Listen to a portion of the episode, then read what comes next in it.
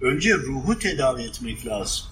Yaşayışı, yemesi, içmesi, kalkması, ibadeti, konuşması, kul hakları vesaire bütün hepsiyle ilgili bunlar anlata anlata anlayıp idrak ettikçe üzerinden alıyorsun.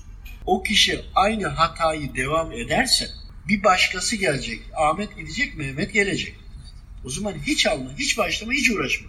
Çünkü o cinni de ailesi var, yaşantısı var. O da kul. Tamam inanmıyor, ateist de olabilir. Ama kul sonuçta. Bir can.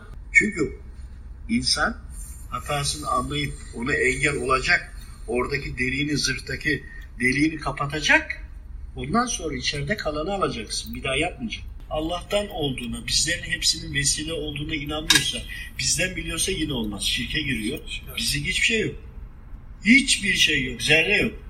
Allah'tan olduğunu bilecek.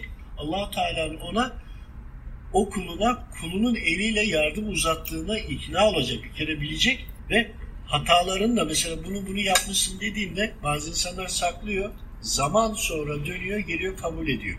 Kabul ettiği kadar Allahu Teala'ya inandığı kadar faydasını görüyor.